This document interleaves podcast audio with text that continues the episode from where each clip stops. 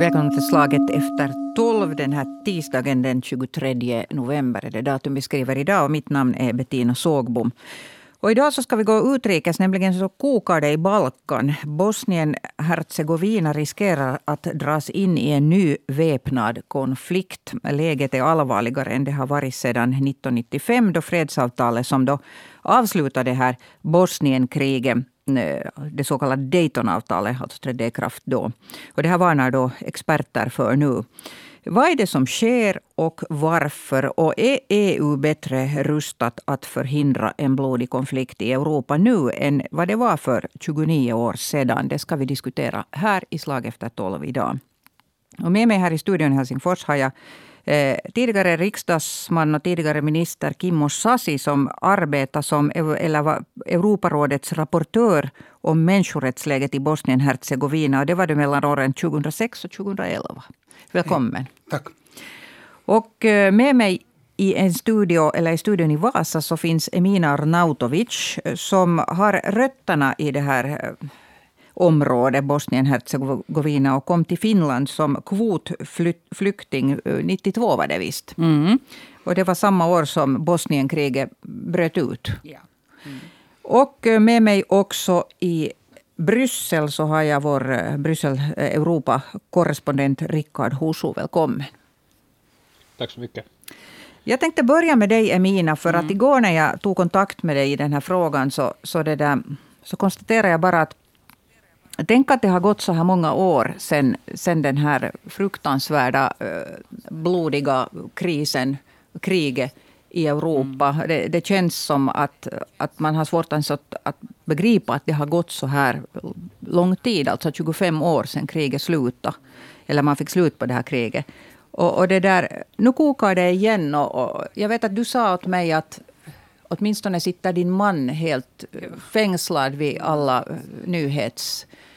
nyhetskällor nu och, och kollar vad som händer. Va, va, hurdan bild har ni av läget? Mm. Hej allihopa och tack för inbjudan. Mm, jo, det, jag faktiskt sa åt min make att han borde sitta här idag, för han har ju mera, mera fokuserat på det kanske än jag, men jag har alltid någon åsikt och förstås har jag också hört uh, en hel del.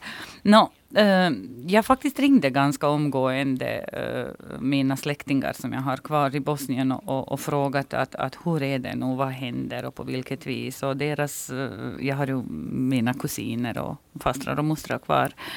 Och deras respons var ungefär att ja, men det där är politik, inte, inte blir det till någonting och att inte känner vi av det och så vidare. Och, och jag vet att igår sa jag och dig samma sak, att mm. samma uh, kommentar hade jag och min man, då var jag 20, 21 år och han var 25, 26, uh, 1992. Vi mm. trodde aldrig att det kommer att vara en väpnad konflikt. Eh, men sen blev jag kanske mer orolig när jag också har, uh, har bekanta och vänner också i Bryssel som, som började skicka åt mig meddelande vad som händer. Och det var först då jag reagerade också själv. Uh, så den här politiska läget är en sån här Um, den är faktiskt alltid varit svår i Balkan överlag. Men, men i och med att man nu vill ha tillbaka de här vissa formationer som, som armé och, och, och, och, polisen och så vidare som är faktiskt en grund för en rättsstat så, så är det förstås oroväckande. Jag måste ju här förklara för, för jag måste själv mm. medge att jag måste studera kartan noga igår mm. kväll, för det är så länge sedan som, som mm. man såg det här på nyheterna varje kväll. Mm. Och konstatera då att att, att var ens Bosnien-Hercegovina ligger beläget mm. och vilka mm. länder det gränsar till. Och sen också att hur det är uppdelat mm. i det här Dayton-avtalet. Då. Mm. Och där är ju en, en intressant sån här uppdelning. Där ett, det, landet styrs av ett eh, presidentråd. Mm. Där eh, en kroat, en serb och en bosnier, om jag nu mm. kommer rätt. Ja, jo, så här, ja, eh, och de turas om och byter, byter plats var åttonde månad. Och det har då pågått eh, ända sedan sen avtalet slöts. Mm. Uh, har det här funktionerat? Jag, jag vänder mig nu till Kimmo Sasi här och frågar att, att um, hur har det här funkat? No, det fungerar inte egentligen alls. Och det där, problemet är delvis Daytonavtalet. Mm. 1995 slöt man avtalet, men det var för att sluta krig. Och då ville man garantera alla tre folkgruppers ställning för att få slut på kriget och att liksom bosniakerna och sen serberna och kroatierna så de fick liksom visst självstyre. Man delade mm. landet i två, serbiska delen och tillsammans kroaterna och bosniakerna som inte hade liksom stora motsättningar mot varandra. Och liksom centralstaten blev mycket svag och sen har man kvoter för alla folkgrupper. Och det man önskade då i mitten av 90-talet var att okej, okay, det här är början, men sen kan man utveckla staten så att det blir en verklig stat. Mm. Men egentligen vad politikerna har gjort under hela den här tiden, i 25 år, är att liksom, de skapar motsättningar mm. Mm. för att liksom, speciellt serbnationella, men också andra folkgrupper, mm. för att liksom styrka sin egen politiska ställning, skyller de på, liksom andra, på andra parten och vill inte liksom ordentligt samarbeta. Och egentligen kanske liksom svåraste liksom problem är ledaren för eh, Serbrepubliken Dodik mm. som spelar hela tiden och talar om självständighet eller liksom samgång med Serbien för eh, sin egen delstat, så att säga. Och man aldrig riktigt vet om han spelar liksom verkligen någonting mm. eller liksom om det är bara liksom politisk retorik. Och den här gången, den här uppståndelsen blev när den här höga representanten ja. Christian Smith var i FN och förklarade att läget är verkligen dystert. Mm. Och där finns den sanningen att liksom det fina som västländerna har kunnat göra efter 1995 är att Bosnien och Hercegovina har en gemensam armé. Mm. Och där är alla folkgrupper med och de samarbetar med NATO. Syftet att de skulle bli medlem i NATO. Och NATO egentligen på sätt och vis skulle garantera att liksom man inte använder armén mot liksom medborgarna utanför yttre fienden. Mm. Men den här medlemskapsprocessen i NATO framskrider, men mycket långsamt. Och det största hotet i den här processen är när Dodik har sagt att okej, okay, han splittrar den här armén och tar serberna bort mm. och skapar en egen armé i Bosnien. Och då, om han gör det faktiskt till slutet av november, då blir det faktiskt farligt. Mm. Det där, eh, här kom olika namn och sånt upp här, och för jag vänder mig till, till Rickard Husus. Jag ska bara, alltså Milorad Dodik, Dodik, som är då president just i den här serbiska delen, eh, republiken. Mm. Så, så det där, eh, där har känslorna gått heta annars också. Så nämndes här den internationella samfundets högsta representant. som då finns, Det finns en sådan hela tiden eh, närvarande i området. Och den byttes den första var Carl Bildt.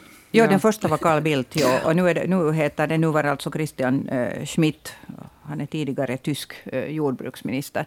Och, och det där, um, nu har han då varnat om det här. Och, och då har det om jag nu förstod saken rätt, så har det som verkligen eldat under känslorna varit det att eh, han har sagt, alltså eh, gjort det, alltså kriminaliserat det att man skulle förneka eh, folkmorden. Mm. Ja. Alltså, det är kriminellt att förneka folkmorden. Och, och, det där, då har känslorna gått heta där. Och det här var nu som en, en förklaring här bakom, för jag vet själv när jag började studera det här att här är så många krokar att annars ja. trillar lyssnaren av kälken. Men nu, nu vänder jag mig till, till Rickard Husu. Du har hört vad Emin Arnautovic eh, säger här och vad Kimmo Sasi, hur han analyserar situationen. Vad, vad tänker man i, i, i EU-parlamentet, vad tänker man i Bryssel om det här? Oron förstås i Bryssel är väldigt stor över det som mm. händer i eh, Bosnien och Hercegovina för tillfället. Det här är ju fortfarande ett väldigt stort trauma för EU och hela Västeuropa hur det som skedde i början av 1900-talet kunde tillåt, tillåtas att ske och hur man på sätt och vis tog så handfallen, hur det stod, tog så länge att reagera och sätta stopp för den här eh, konflikten och, och, och kriget och naturligtvis då det finns tendenser för att någonting sånt här skulle kunna upprepa sig så är oron stor. Sen är förstås den stora frågan i vilken utsträckning man är bättre rustad för att hantera en ny potentiell konflikt än för eh, 30 år sedan. Där går kanske åsikterna isär en aning. Men jag skulle nog hålla med precis Kimmos analys här just om det att det här fredsavtalet för Bosnien och Hercegovinas del så det, det var bra med tanke på att stoppa de här fientligheterna men så har man inte riktigt lyckats med det här stats bygget det har blivit på hälften, det tror jag nog också uppfattningen eh, på EU-håll där, där man borde ha satsat mer. Och det som man säkert också måste fundera på i det här sammanhanget mycket ur EUs synvinkel är det vilka perspektiv man under tiden har lyckats erbjuda, inte bara Bosnien och Hercegovina utan de övriga länderna också på västra Balkan då det gäller till exempel perspektivet att bli EU-medlem. Jag lyssnade just på Tysklands Europaminister, Europaministrarna är samlade här i Bryssel idag som konstaterar att man har ett trovärdighetsproblem just när det gäller den här utvidgningsprocessen för västra Balkans del, att man inte har kunnat erbjuda de här länderna tillräckligt med eh, positiva utsikter att bli EU-medlemmar. Alltså, mm. det, det, är så att de här länderna har en hel rad med, med Balkanstater som sitter och har suttit och väntat på egentligen att få bli medlemmar. Lite så som Turkiet vänta länge tills Turkiet sen vände sig mot EU. Eller jag vet inte om det, det är korrekt att säga så, men så ser det ut. Det, det, det är precis så här som situationen mm. är. Vi har alltså sex, sex länder, fyra av dem eh, så är då eh, kandidater eh, för tillfället, alltså för diskussioner, och så har vi då Bosnien och Kosovo för tillfället som är potentiella kandidater mm. som är så att säga ett pinnhål lägre ner här. Och på sätt och vis alla de här sex länderna som man nu diskuterar med har var för sig problem fortfarande som gör att de här förhandlingarna framskrider väldigt långsamt och frustrerande långsamt förstås ur de här ländernas synvinkel och här finns förstås en överhängande risk att om man inte då lyckas knyta de här länderna nära EU och nära så att säga Västeuropa så finns det andra aktörer som har intressen i den här regionen. Eh, mm. Kimmo Sasibamo det här och sen eh, efter det Evina. Yep. Varsågod Kimmo. Alltså då Finland hade ordförandeskap i EU 1999 hade Finland, men speciellt president Ahtisaari, en fin tanke på att man kan utveckla samhällen i Västbalkan om man erbjuder medlemskap i EU för dem och då betyder gränsen inte så väldigt mycket och de får en marknadsekonomi och liksom måste respektera mänskliga rättigheter. Och därtill var idén också den att Turkiet skulle bli medlem i EU. Och Turkiets roll skulle vara dubbel på det viset att liksom, de skulle lugna läget på Västbalkan där det finns bosniaker eh, och personer från Osmanska riket. Och det där, de skulle vara en positiv partner och ge resurser till det området. Och sen det, Turkiet skulle bli ett exempel för andra arabiska länder att de har respekterat mänskliga rättigheter och en fungerande marknadsekonomi, hur man klarar sig väldigt fint, hur ekonomin blomstrar.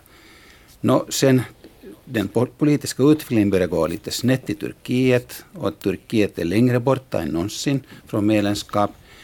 Och sen vad det gäller Västbalkan så början gick egentligen bra men sen med de problem som EU fick eh, via eh, Bulgarien och Rumänien och korruptionen mm. så har många europeiska länder av typ Frankrike men också delvis Tyskland, inte liksom statsledningen men det finns starka känslor i Tyskland att vi vill inte ha oförberedda länder som medlemmar i EU.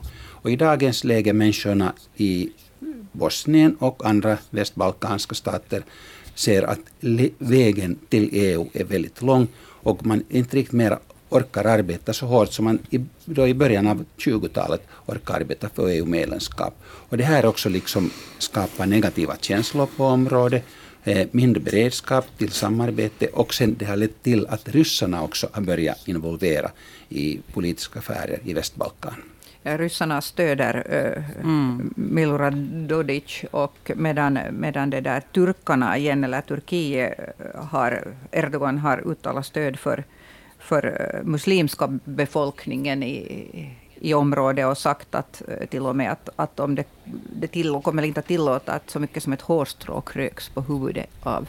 Det börjar låta ganska sådär um, hur ska vi säga, mäktigt prat här. Men, men Emina Arnautovic, vad, mm. vad, tror du om det här med, med EU? Skulle, skulle läget vara helt annat om, om man då hade fortsatt, om man skulle öppna dörrarna och släppt in de här Balkanländerna i EU? No, orsak till varje krig i princip är socioekonomiska alltså, uh, uh, källor.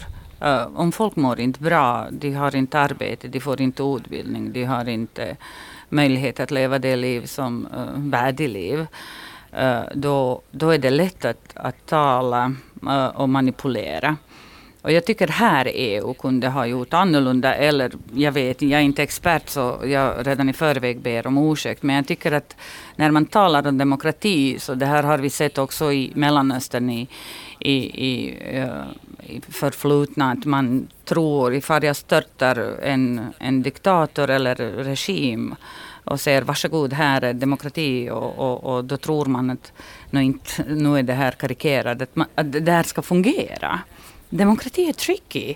Det är messy. Det är den bästa redskap vi har men den är absolut inte perfekt. Och jag tycker här, här har vi misslyckats, åtminstone från mitt håll tänker jag på Europa, att följa upp det här ordentligt. Eftersom historiska och tragiska händelserna, inte bara från 1900-talet utan också som går långt tillbaka, alltså gror och har alltid gjort det. Och, och, jag vet att det är inte någon annans ansvar än, än vår, vår befolkningens ansvar också att ta, ta det. Men vi hade en öppning där för, för under den här um, Uh, kanske nog tio år sedan så var det en rörelse där som arabiska våren, men jag kallade den själv för bosniska våren, där där många uh, intellektuella och, och föreningar och, och, syndikater har försökt göra ett uppror men, men de behövde stöd också att organisera sig så att man faktiskt får bort den här korrumperade uh, politiska och speciellt etniska, alltså uppdelade politik. Eh, så, eh, så här behövde de mycket mera stöd. Och, och jag tycker att, att, bara det att vi ska gå in i EU, så visst kunde det ha hjälpt. Men jag tycker att man kunde göra mycket mera utan att man behöver vara medlem. Eh, att den här uppföljningen tycker jag det saknades. Uppföljningen var, mm.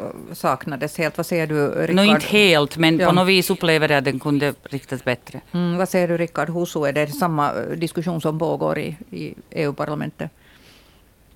Ja, mm. i, i EUs institutioner är det förstås mm. en sån diskussion som förs och det här är ju alltid en fråga om hönan mm. och ägget. Alltså ja. man kan förstås rikta blicken på EU och fundera på om EU kunde ha sak, gjort saker bättre och mm. säkert kunde man och, och det med, medger man också öppet men naturligtvis är det också så att det måste finnas en vilja hos de här mm. länderna som vill mm. bli medlemmar och vi ska komma ihåg också förstås att vi har Kroatien och Slovenien som är EU-medlemmar och det visar ju på att det är möjligt. Det har ju inte varit helt enkelt och man säger ju också där att det är en viss vågrörelse. Till exempel i Slovenien så finns det vissa utmaningar för tillfället vad pressfrihet och, och annat beträffar.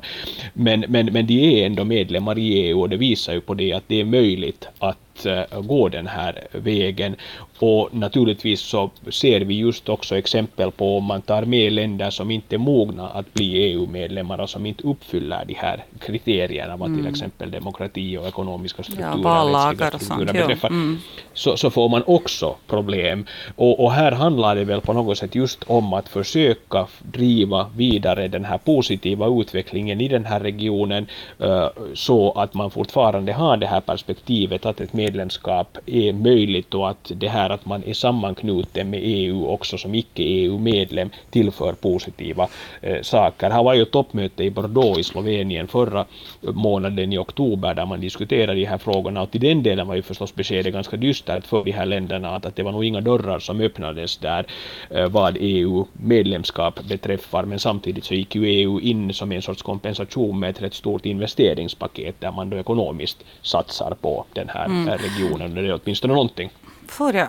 Ja, varsågod. Ja. Jag, jag bara tänker så här, jag tror alltså den där hopplöshet som man känner när man befinner sig i ett helt korrumperat politisk eh, stat.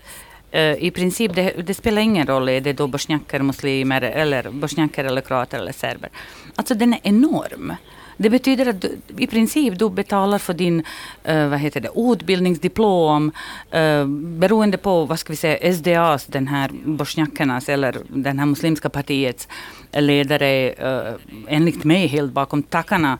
Hans fru är den, den på rent narpesiska, hans fru är liksom vår, vår eh, alltså höga mm, uppsatta eh, hälsovårds någonting. Och, och, bara hur de kor hanterade coronakriser är helt under varje kritik. Så jag menar att, att då när, när hur ska man organisera sig? Eh, jag, säger inte att, att, att man inte som befolkningen har själv ansvar, det har vi.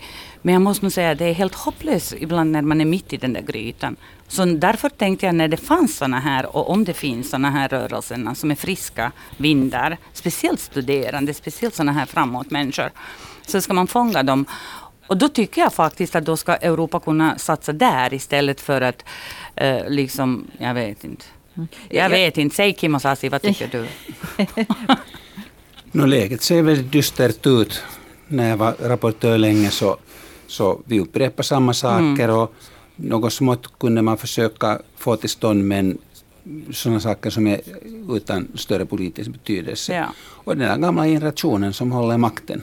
Mm. Man borde få, inte en revolution, men liksom man borde få den nya generationen att komma istället. Som ska ha en helt annorlunda syn på framtiden och sen kanske som faktiskt i grund och botten tycker att vi är inte någon grupp som sköter om våra egna ärenden utan man försöker bygga upp en mm. stat.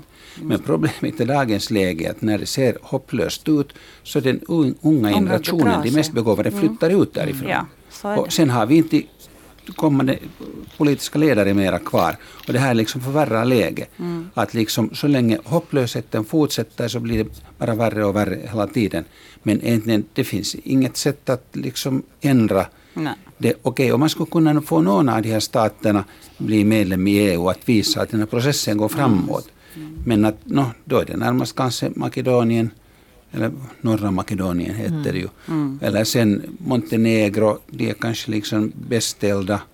Men att nu är det ganska långt ifrån också de staterna.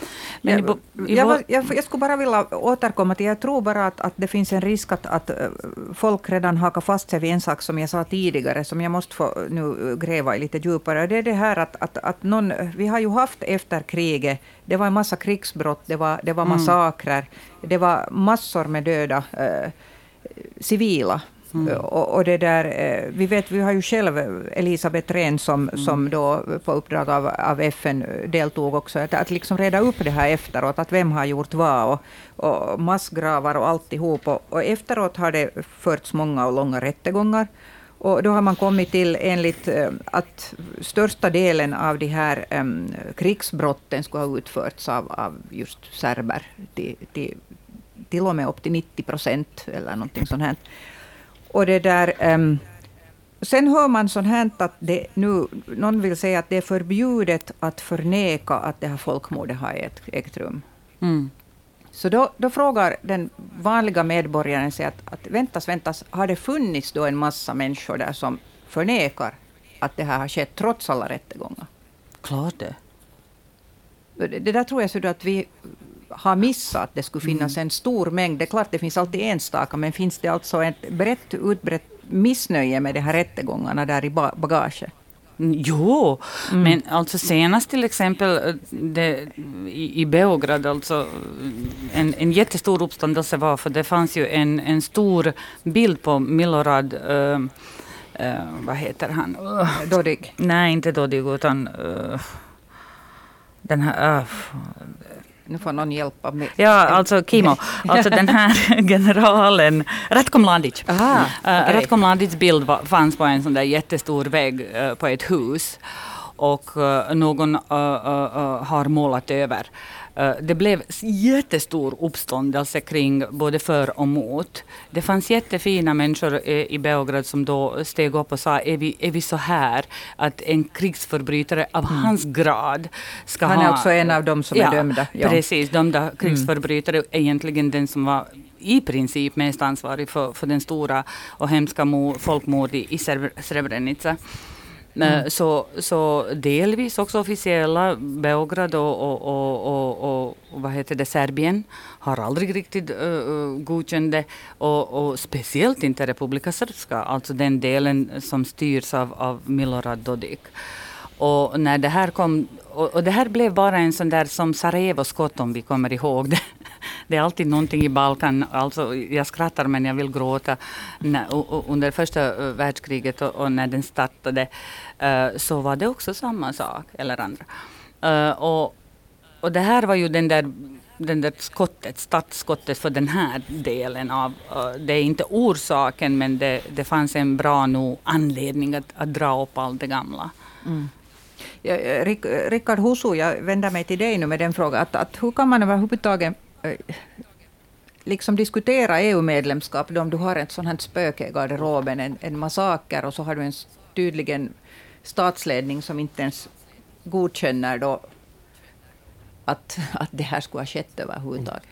Mm. Ja, alltså, om, om vi då talar specifikt om Bosnien och Hercegovina så ja. är det här ju förstås en av de främsta orsakerna mm. till att de så att säga ligger fortfarande väldigt långt från alltså egentligen på, den här, på det här nedersta trappsteget bara som en potentiell kandidat i de här förhandlingarna. Att det finns just länder som Nordmakedonien och Montenegro som mm. är väldigt ändå långt fram komna jämfört med Bosnien och Hercegovina i de här förhandlingarna. Och det handlar ju just till exempel om det här att det fortfarande finns så mycket oupprätt att de här strukturerna inte fungerar till uh, alla delar. Sen vad gäller förstås den här frågan om just förnekelse, det här är ju politiskt brännstoff mm. och det ser vi ju att, att det, kan vara, det kan vara händelser som är hundra, hundratals år gamla mm. där, där man fortfarande diskuterar om hur man ska tolka händelser, att de fortfarande har en politisk bärkraft i dagens vardag. Och eh, på något vis är väl å andra sidan realiteten den att vi blir inte kvitt det här förflutna. Det är någonting som har hänt och det är någonting man måste kunna förhålla sig till. Och de här spänningarna lär inte försvinna heller i den här regionen, så på något vis måste väl EU också försöka förhålla sig till det och tänka att man måste vara beredd att samarbeta och försöka hitta konstruktiva äh, vägar framåt också, fast det är väldigt svårt och äh, fast det finns den här typen av väldigt djupgående konflikter. Kimmo Sasi. Alltså vi vet ju den här politiska metoden att mm. för att försöka skapa skapa understöd så måste man hitta något fiende. Och i detta fall är fiendet den internationella gemenskapen. Mm. Mm. Och det är inte liksom Bosnien-Hercegovinas statsledning som ska vara kritisk, utan det är Revolutionska Serbska mm. mm. som är mm. kritisk. Och det är just att liksom internationella samfundet är emot serberna mm. och det där, de har varit opartiska. De har inte varit opartiska och det där, man får ett fiende på det viset. Och, och det, där, det ökar liksom de här gamla serbiska politikernas understöd. Mm. Och, eh, men man måste säga att liksom, man har ändå kommit så pass långt och åsikterna har varit delade. I Serbien till exempel, en del godkänner att man har fått de här människorna till domstolen i mm. Haag. En del fördömer det. Att liksom, det beror lite på vem du talar med. Att liksom det serbiska samfundet är inte liksom helt enig. Nej, nej, att det, där, det, det finns mm. delade mm. åsikter. Och staten Serbien, så de har haft liksom, de har samarbetat med internationella samfundet. Men Republika Srpska, så det där, med dem är det svårt att skapa samarbete. Och det där, få deras godkännande och att de skulle fördöma faktiskt de här folkmorden. Mm. Men tänk er nu att om det, om det då händer någonting här nu, och nu vet vi att vi har flera eh, experter som har nu, och specialister och sådana som följer med läget som säger att, att det på riktigt ser illa ut nu. Att det, är en, det är liksom en krutdurk, att det kan flyga i luften när som helst. Så hur är EU, vilka metoder har EU för att ingripa så att det inte skulle gå så som det gick 1992 att det tog, jag kommer ihåg det här, jag minns att vi följde med det här. Det här är annars en intressant generationsfråga. Jag måste säga att, att det där jag talade med min yngre son om det här idag, som är född 94. Mm. Så ah, han har läst någonting om det här i skolböckerna. Att det, är en, det är just en sån här generationsfråga. Vissa av oss har sett de här gräsliga TV-bilderna dag in och dag ut. Andra har, borde man kanske säga tack och lov, inte behövt göra det. Men, men ja, alltså Kimmo Sasibaum ordet först och sen, sen Rickard Husu. Alltså det var skam för EU. EU gjorde ingenting. Mm. Att det var USA som ja. måste ingripa, stoppa kriget. Okej, sen EU skicka fredsbevarare. Att liksom till, till, till den delen var EU liksom gynnsam. Mm. Men att liksom om det blir en konflikt så nu är det på det viset att liksom EU har inga trupper. Att EU bara liksom ger deklarationer. Mm. Och då är det närmast NATO, speciellt USA, som måste ingripa om, liksom, för att liksom stoppa de här stridsförhandlingarna. Men jag tror att liksom, oberoende vem som är president i USA, så jag tror att USA kommer att göra det om det behövs. Att mindre konflikter kan man tolerera, att någon skjuter någon, men om det blir fullskaligt krig, Så det, där, det finns så stort intresse att man måste bara med ganska snabb operation kan man stoppa. Och det finns ju trupper där i Bosnien för tillfället. Ja. Att de kan också inte, lite hjälpa till, men, men inte så många nej. att, att om man faktiskt kommer med tusentals soldater, så det där, då behöver man ytter, yt, ytterligare liksom, eh, krafter. Vad säger du Rickard Husu om det här, att vilka medel EU har? Att om, om det faktiskt krävs liksom snabba, snabb insats, att någonting börjar hända? Mm. Det är ju en gång för alla så att EU inte är en försvarsallians. Mm. EU har riktat in sig på helt andra områden. Det handlar om handel, inre marknad, rörlighet av människor, politiskt samarbete, med den här försvarsdimensionen är underutvecklad fortfarande, det är som man har velat ha det. Så att det förstås vilar ju sen på enskilda medlemsländers kapacitet att agera och då är det nog säkert kanske snarare inom ramen för NATO som någonting sånt här skulle bli aktuellt och här kan man väl säga då att det här förstås inte är en fråga som enbart nu handlar om eh, det här spända läget i Bosnien och Hercegovina utan man har också i Ukraina till exempel en motsvarande situation där EU också blir tvungen att fundera på hur man agerar om till exempel situationen trappas upp där. Så EU är nog utmanat inom det här säkerhetspolitiska området på många fronter just nu. Mm. Vad säger du Emina Arnautovic med tanke på att du då ändå har ännu släkt, släktingar kvar där och du har ditt eget trauma av att ha varit tvungen att fly med ett, med ett litet mm. barn från, från alldeles fruktansvärda omständigheter. Eh, det här kriget som, mm. No, kriget i mm. Bosnien började inte med ett skott. Den började egentligen med maktkamp, hatprat, eh, förbjuden yttrandefrihet. Eh, till exempel, jag fick inte som, bos som bosnisk muslim, alltså man kunde identifiera mig i bussen, inte åka till min arbetsplats eller studier.